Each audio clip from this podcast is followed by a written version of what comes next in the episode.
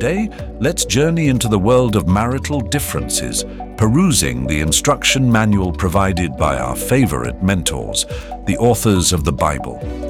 Let's tackle a few biblical tips which, though written thousands of years ago, can still teach us how to live in harmony, even if our marital yoke seems, oh well, a bit uneven at times. In the sixth chapter of the second epistle to the Corinthians, Apostle Paul warns us against being unequally yoked. You might wonder, does this refer to one spouse liking pasta while the other is on a gluten-free diet? But no, dear ones, it's about something deeper than culinary injustice.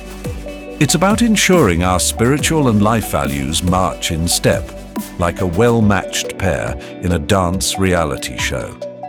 Remember though, even in Dancing with the Stars, partners occasionally step on each other's toes.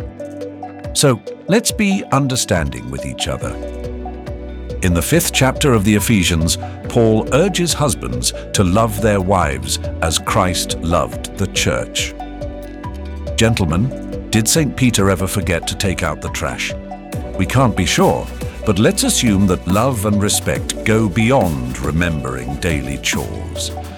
So, the next time the bin under the sink is overlooked, let's think of it as another chance to show love and patience. Simple gestures and much more economical than a bouquet of 31 roses delivered by a courier with apologies. Though, the third chapter of Colossians and the first of James are also treasure troves of knowledge we need today. Quick to listen, slow to speak. This golden rule works in marriage too.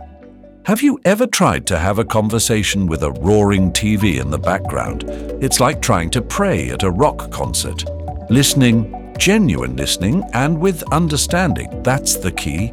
So let's turn off the TV or at least mute it during our conversation.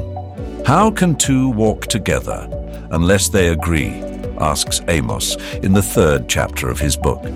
It's like trying to synchronize steps on a walk when one wants to go fast and the other slow. The key is to find a common rhythm. It might be the rhythm of a TV series you watch together or commenting on dreams about the future. Common prayer is a given. But remember to change the channel sometimes. In the 29th chapter of Proverbs, you'll find the remote. Putting God at the center of our marriage is like having a good navigation system in your vehicle. Even if the bumpy road of marriage sometimes shakes us up, with God's help, we will always find our way back to harmony. The fifth chapter of Ephesians puts an exclamation mark here, and Peter, in his first epistle in the third chapter, dots the I. So, dear ones, when you find yourselves in a situation where your marital yoke seems uneven, remember these biblical lessons. With love, respect, patience, and a bit of humor, we can transform any yoke into a fair ground of joy and understanding. Blessings on your journey, and remember, in marriage, as in spiritual life, the key is love, not nitpicking over daily details. Amen.